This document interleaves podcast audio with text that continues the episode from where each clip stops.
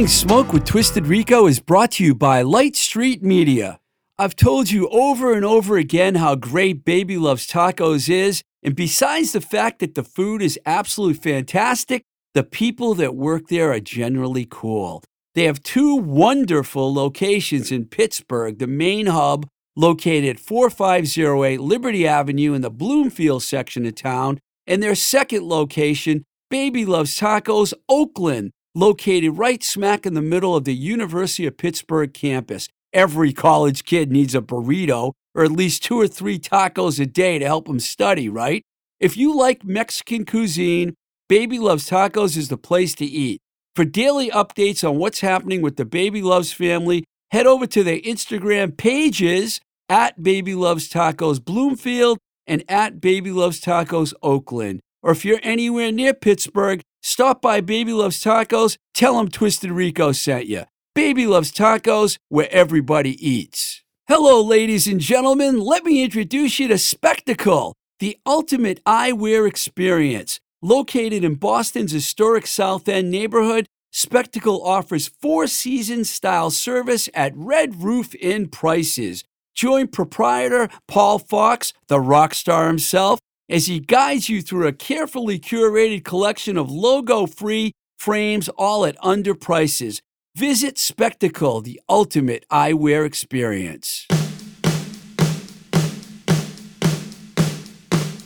guitar licks and peppermint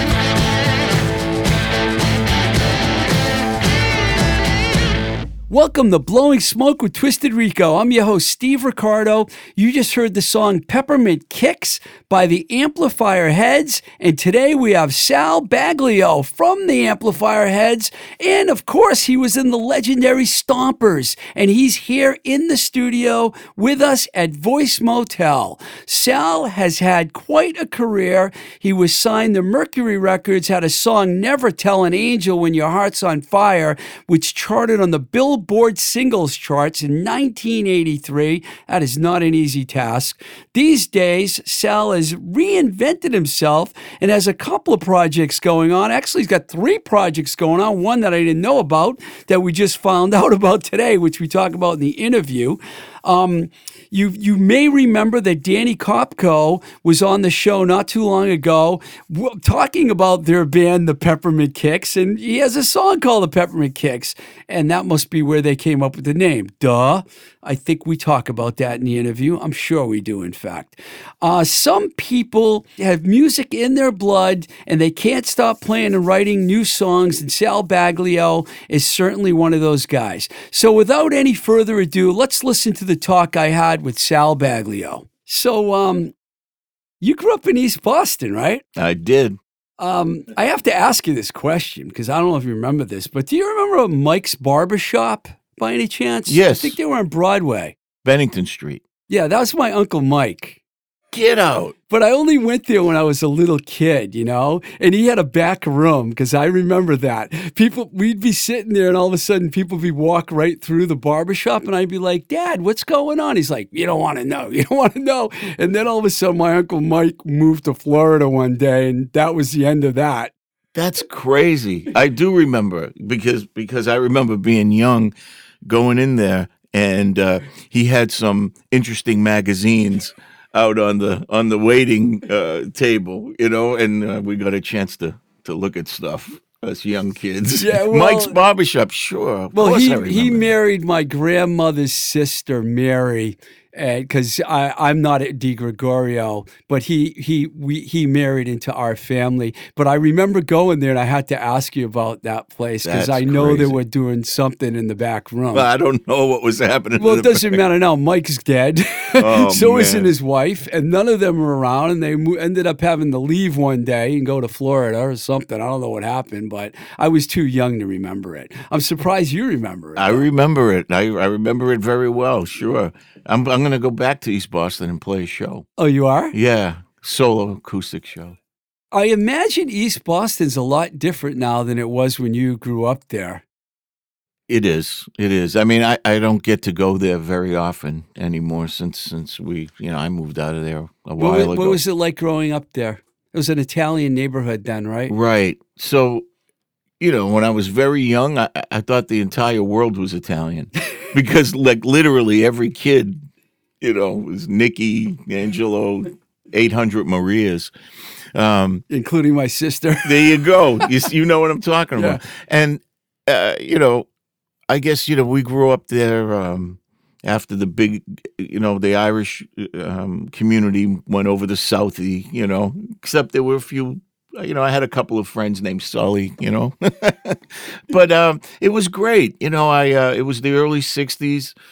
I have an older brother who, who was a teenager, so so I was able to get all that the music and uh, you know he was in bands, so he'd take me to see them, hear them rehearse and stuff. It, was- it was great. That's what I was going to ask you because you, you grew up, you were young in the 60s. You're, you're mostly a 70s guy. And I was going to ask you about the music you were listening to and what your influences were. Uh, you know that that caused you to like led you to the Stompers, I should say, which are a rock band with heavy pop. You know, because you guys had a lot of hit songs, which we're going to talk about. Yeah. But what were you listening to be, to get to that point? Well, uh, because there was a lot of music in my house, you know, my dad was a guitar player. My my brother was was in rock bands in the early '60s. Uh, you know, I tell this story a lot. He took me to see a Hard Day's Night. I was seven, you know, and I was like, "That looks like something I'd like to do." right there, That- yeah, that that looks like fun. Run around, play in a band, and get chased by people. Uh, By girls. why would I want to be a fireman, you know, or whatever, you know, whatever little kids think about. Um, so uh, I I knew of music before the Beatles. You know, I, there was different things playing around the house, maybe late fifties music that was hanging on. You know, uh, you- the Witch Doctor, you know, the Purple People Eater, all those tunes. But then you know the the Beatles came and the the, the British invasion and AM radio, and I was just uh, taken by all of it. I really was. I, I just I loved it all, you know. And uh, my brother had the records, so you know, I was listening to Bob Dylan, and I didn't know what it was about, but I knew that it sounded dark and different. You know, Yeah. you know, and, and I, I liked it. I What- just always was was was there a band before the Stompers? I mean, were you in other bands? Well, you know, th- those those were you know my high school bands, you know, and stuff that we had. You know, mostly mostly you're doing other people's songs, you know, uh, throughout high high school, and then we we tried writing our own stuff, you know. Um, but the Stompers, I- I think I was like 19 when I started that band, so you know, Seventy seven, right? yeah, yeah, yeah, And then you know, I know you released uh, Coast to Coast because that was in I'm in Trouble, yeah. and, and and then you're the one in American Fun. So you guys were doing the singles when you started. Well, that was the that was what was happening at that time. It's time. funny how we've come full circle, by the way, and now everyone's releasing singles before again. You know, It's it's really strange how where we come from and where we are now. Exactly. You know. You know. Uh, I have to agree with you hundred percent with that. Yeah. Well, everyone was doing that. It was such a cool thing at that time. You know. I think the first band I knew that had a single was was like Willie Loco. Willie Loco. and I remember hit, Alexander. hit it with the axe, uh, you know, and I was like, wow, man. You know, I was going to the Rat in like 76 and checking all this stuff out. And I'm going, "Ah, okay, I'm going to stop my, my band now and, and, uh, and, you know, we'll come play here. You know, Yeah, you, you know? guys are often associated with the rat. Whenever you see the Stompers, the rat's always in there. Because didn't you have a residency or something? We there? did. Yeah, we had a Monday night residency for Unbelievable. Monday almost night. a year, you know. Um, you know, early on, be- before things got put into bags and, and Genres, Genres. categories. Yeah. everybody was a, rock band, you know. Uh, the, the Nervous Eaters, the Real Kids. Uh, when I was going early to the Rat before the Stompers, I'd see Fox Pass, you know, my friend John Macy. Um, jo- Johanna Wild was playing there, right? Sass. You remember Sass? They Yeah. were like a pop, power pop Probably band. Thunder Train. Mark, yeah, yeah, Mark's yeah. been on the show. Absolutely, Thunder Train and Susan and I, and and then you know DMZ. It's so there was like this uh, third rail. There was this wild mix of great music. And so when I started the Stompers, I said, well, you know, we're gonna play fast rock and roll and and jump around, and it's gonna be great, you know. And and so for a short window, we fit in with that gang, you know. Right. And then maybe 78, it started to get, uh, things got put into slots, you know. Well, you're punk. And then, you know, pretty soon, once the cars hit, there was new wave and everybody was wearing a skinny tie and, you know, and, uh, and then we were up and out from that scene. And, uh, but it was, it was a, pl- a great place to start. I mean, you know, back then there was two clubs, the Rat Right. and the, the club in Cambridge. Yeah. That was it. The club. finally the can't. club. Yeah, exactly. And then fin- Now, if if history is right, and I'm I I my did my research right, you guys actually toured with J. Geils and the Beach Boys before you actually put a full length record out, right? yes, You were touring on the singles, right? with with Giles. Uh, it was two years before we even got signed.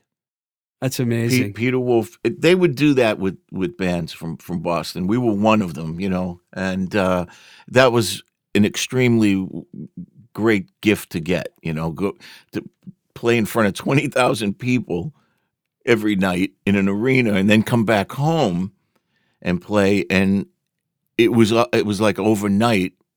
You know, we tripled our audience. It was just nuts. You know, and and Geils was such a great rock band, so we we fit we fit the bill pretty good. yeah, you guys, going in you there. guys go well with them. The Stompers did very well. uh, the Beach Boys actually was was later. I think we we had we had been signed when we So that went out happened with them. later? Yeah, Well, never, uh, never tell an angel when your heart's on fire reached the Billboard singles chart, and it later, it, I think that was before the the debut Stompers record came out on Boardwalk Entertainment Group, Boardwalk Records, um, and before long, you guys ended up on Mercury. right. Ta- talk about that whole period. That must have been exciting having a song on the Billboard charts.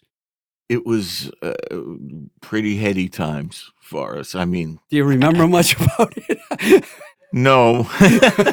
well, you know, I, remember. Uh, uh, yeah, yeah, it was definitely fuzzy for sure. You know, for the obvious reasons, but well, you're young, and all of a sudden you got a song on the Billboard charts, and you're touring, and you don't even have a record deal yet. That's amazing, right? it was crazy, crazy times. Yeah, How'd the Mercury thing happen?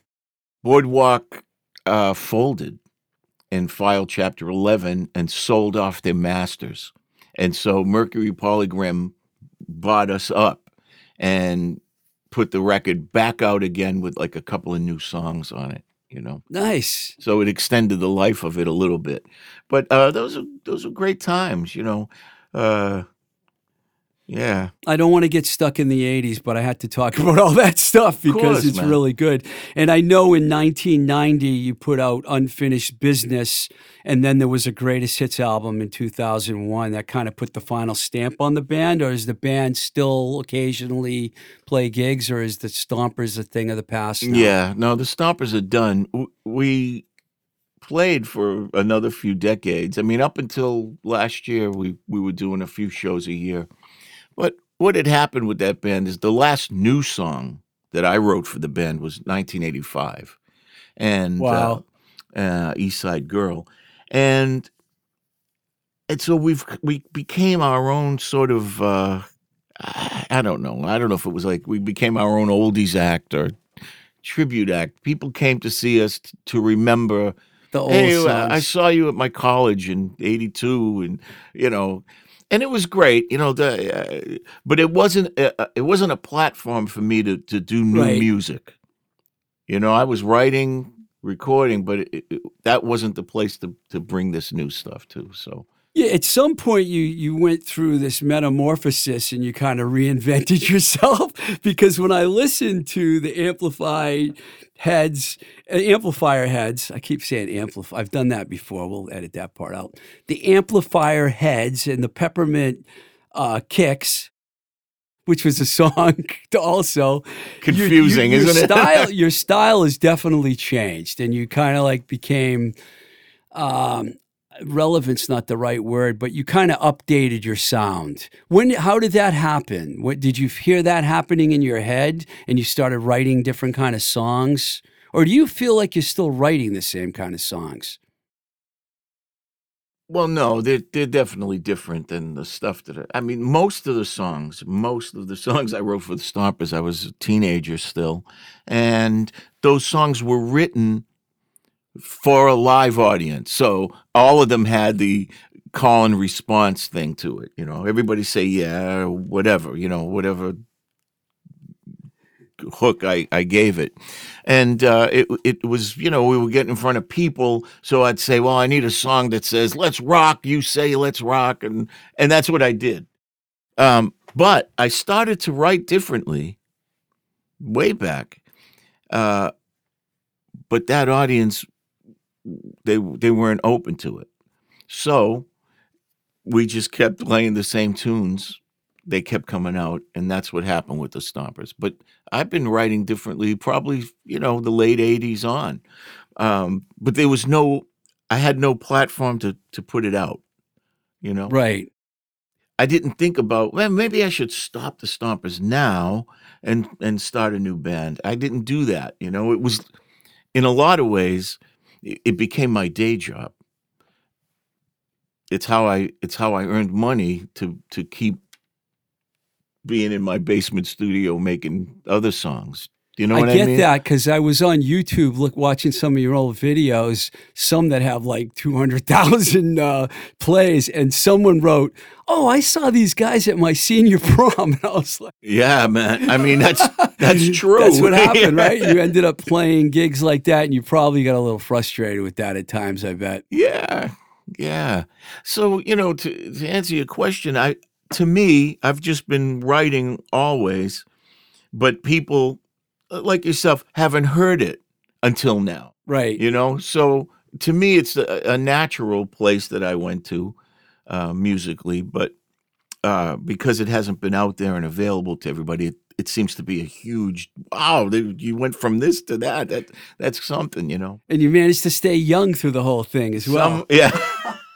well, at least in my heart and in my my, my mind, but uh, So I, I had not realized that the Stompers was still playing gigs up until a few years ago, and I was wondering if there was a gap, but there really wasn't a gap. You basically kept it going all along.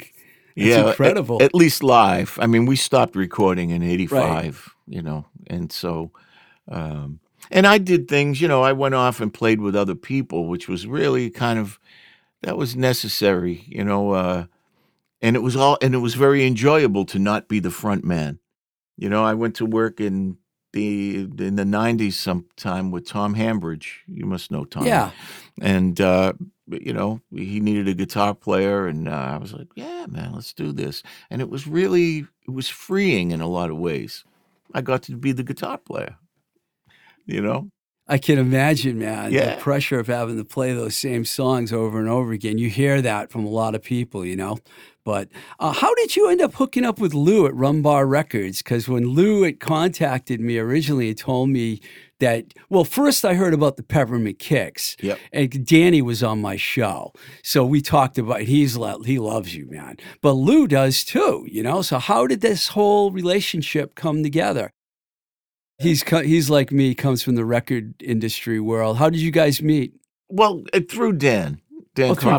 Dan. yeah so uh, we did the peppermint kicks record and he's like yeah you know my lou's gonna put this out on rumbar and um, you know that's where all my watts records are and the Shang Hi Los and i said oh oh great great. He goes yeah man you know you gotta meet lou. He's, he's really a great guy.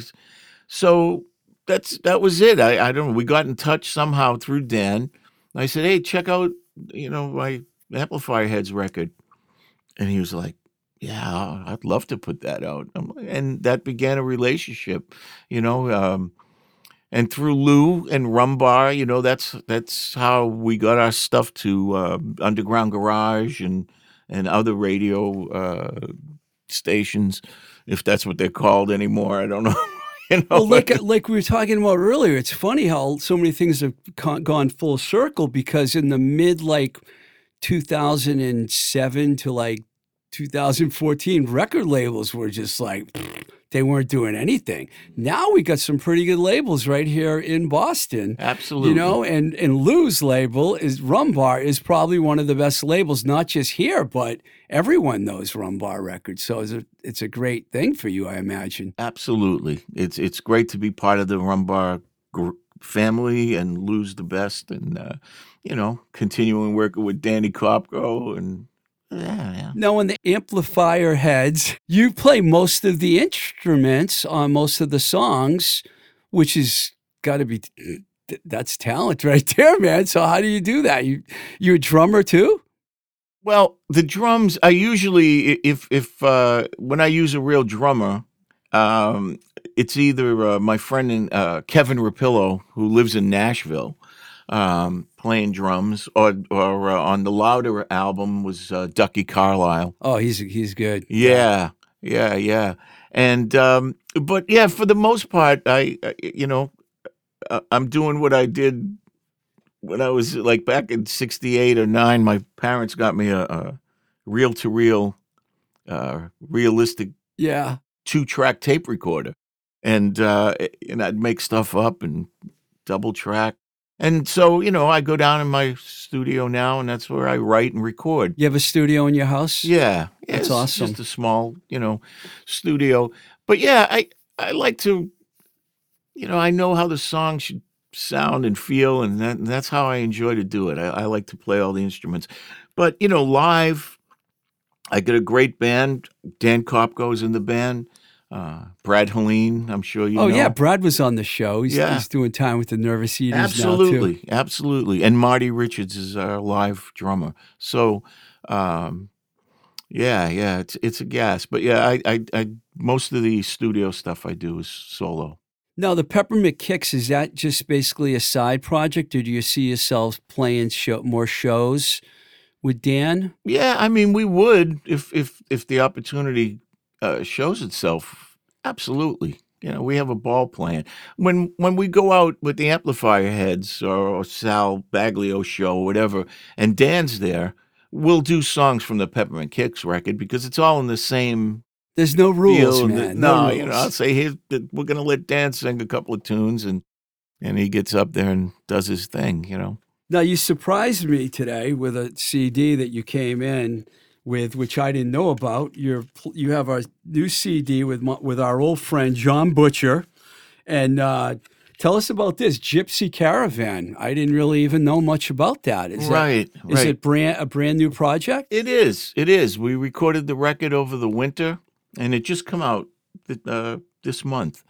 Um, Alan Estes uh, is a friend. we- We're all friends, the three of us. And he came to us and said, you know, hey, let's make a record. That's basically it. Now, John had produced Alan's last record, Right. and uh, it, it was really came one of his best records ever. And uh, and so he came to us with this idea, and we talked a little bit back and forth, like, well, what should it be? You know, because we're all kind of different, separated. We're different. We came together, and um, you know, each of us brought a song down, and then John and I wrote three together, which was really, really something. And we laugh about it all the time. It's like, would this happen in 1980? I said, probably not, John. You know, uh, Did, were you guys friends back then? uh, you know, we I, I don't think we we met and sat down into a room in a room together until uh 2000 uh, the early the early 2000s i mean we uh, of course we played many gigs together and we knew of each other Right. you know Probably played at the channel a lot together in places like that. there's a great story I tell. Uh, you can keep it or you can edit it out, but uh, John John always just goes, "Oh man!" Uh, like 1980, I was coming out of uh, Aku Aku in Kenmore Square, you know, and uh, I, you know I, I was with a young lady, and and up the street comes John, right? Pair of leather pants, leather jacket, with a girl on each arm, you know. And I said, "Man, I need some leather pants." I mean, when, you know, and, and, you know, so. Uh, but but it's been great to work with him. I mean, you know, uh, we're in a place now where it's uh, obviously much different than when we were in. You know, back then when you when you got a when you're in your band, you're in your early twenties. Your band is your gang Yeah. Right? Yeah. you know, and other gangs are your your rivals, you know, but it's but it's Boston's always been like but that. it's healthy. No, no, but it's healthy, man, you know, because those bands were great. So it it brings everybody's level up. You know what I mean? yeah. Um but yeah, so we made this record and, and like, once again, it's different for each of us. It doesn't sound like the amplifier heads at all, you know. Um it doesn't sound like John Butcher Axis and and Alan, and it doesn't sound like an Alan record. But together, can't wait it, to hear it. it. becomes something else, you know. And I don't even know what to call it, but it becomes something else. I'm sure know? it's a rock record. Well, I mean, there's some, there's some, there's some rock on there. There's a, you know, John brought a legit blues tune down. That was Yeah, he he's been playing a lot more blues lately. I noticed as time has gone on. I saw him. It's been a few years, but he was with Charlie Farren. It was at the Jimmy D'Angelo tribute show, actually, out in Worcester. They played together. yeah, Oh, it, w- w- this is before Jimmy. D- you knew Jimmy D'Angelo a little bit, absolutely, right? sure. Before he passed away, they had the bands of Jimmy D'Angelo and Matt Angel, Pretty Poison, August. They all played oh, and John and Charlie opened the show. And, it, and Jo- John jammed and filled in. He did like uh, played some of Charlie sang some John uh, Jamie P's songs because Jamie had passed away. I'm sure you knew him too. He was in August. Buck, I think, was his other band. oh yeah, I remember. I remember Yeah. all those bands. I got to ask you one more thing before uh, before we wrap this up. Are you listening to a lot of new music now? Do you check out new bands, or do you find yourself? And how do you listen? Do you listen on platforms or records or? Um, I'll get a record CD and you know put it into my my library of music. That's pretty much how I do it. Um, I do have a record player left in the house. We do have one record player, and and but I don't have much vinyl. But um, that's how I I listen mostly. Uh, Is there any new stuff you, you that you like, or you find yourself going back to the old catalog? yeah, I mean, I I listen to a lot of old stuff still. Um, you know, I'll listen to my friends' music. You know, like somebody else put out a new record. John Macy just put out a new Hummingbird Syndicate record. He sent that to me, and I listened to that. Uh, uh, you know, Dan Dan's always sending me something. You know. Um, Did you ever go see Watts play? I haven't seen Watts play. Well, no, no, that's not true. I'm sorry. That's how I met him. We were both on a Christmas show up in New Hampshire. It was a big show for a radio station uh, up at the Capitol Center for the Arts. And Watts played Father Christmas by the Kinks. Wow. And I think I was doing my Christmas song, the, the old Stompers, All I Want for Christmas tune. And I, I, I was like, oh man, that was great. You know, first of all, it's a great tune, and the band was great. And so we met, we met then, and uh, we just had a great conversation of the mutual music that we love. You know, and that's what led to uh, to us getting together. But that was the the only time I saw Watts. Yeah. Cool. Well, hey, man, thanks a lot for coming down here. Oh man, thank Appreciate for, it. Thank you for having And me. I'm glad that you're st- making more all this music, man. You know, you got a lot going on, man. It's like nothing's going to seems to stop you now, right? You're going to No, Monday we have a new record coming out, the uh, Rectifier. rectified on Yeah, Rum Bar yeah. Records. Yeah, I wanted I, I mentioned that before we before the interview here, and we're going to play Rocket Boy actually. Um, as soon as we're done talking. All right. Thanks a lot, Sal. Oh, thank you, Steve. All right. Lift off and the clock has started. Rocket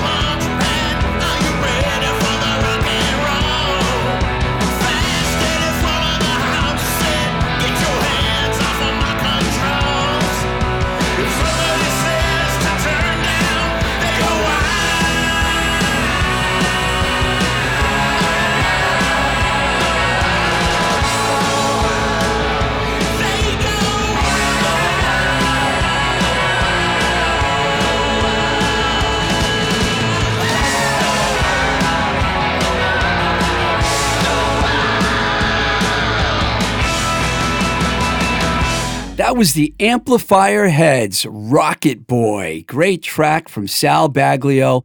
The man has had a long career making music, and it seems like he's reinvented himself with these newer projects. And I have to say, when I mentioned that Sal was coming on the show and posted some photos of him on my Instagram page, I heard from a lot of people. Sal is very well liked and respected, especially in the Northeast, and it was great having him on the show and, of course, representing that East Boston neighborhood that we spoke about early in the interview.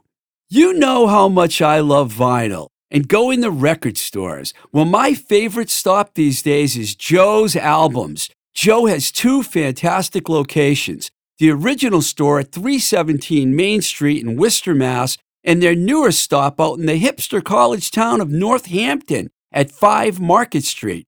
Both stores have a great new release section and huge assortment of used records. You want to check out some cool record stores? Check out Joe's Albums in Worcester and Northampton, Massachusetts.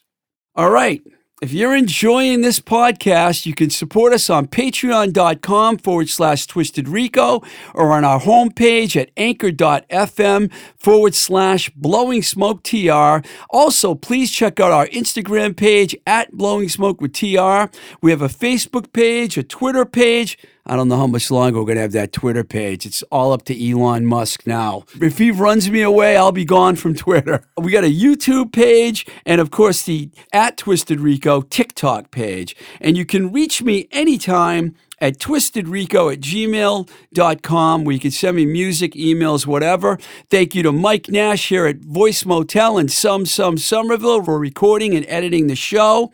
And till the next time we say goodbye, this is Blowing Smoke with Twisted Rico. I'm your host, Steve Ricardo. Keep the rock and roll alive. Blowing Smoke with Twisted Rico is brought to you by Light Street Media.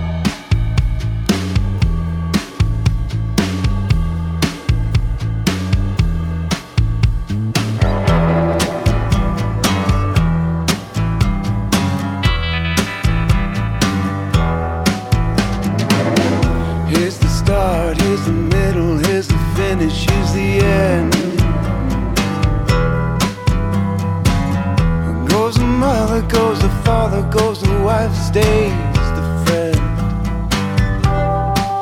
Got a bunch of cigarette burns in the back of my head. Bunch of cigarette burns in the words I've said. If I die tonight, all the hand inside, and know that I was never meant for a normal life. Voice is recorded at Voice Motel, voicemotel.com, your complete podcast recording experience, located in Union Square, Somerville, Massachusetts.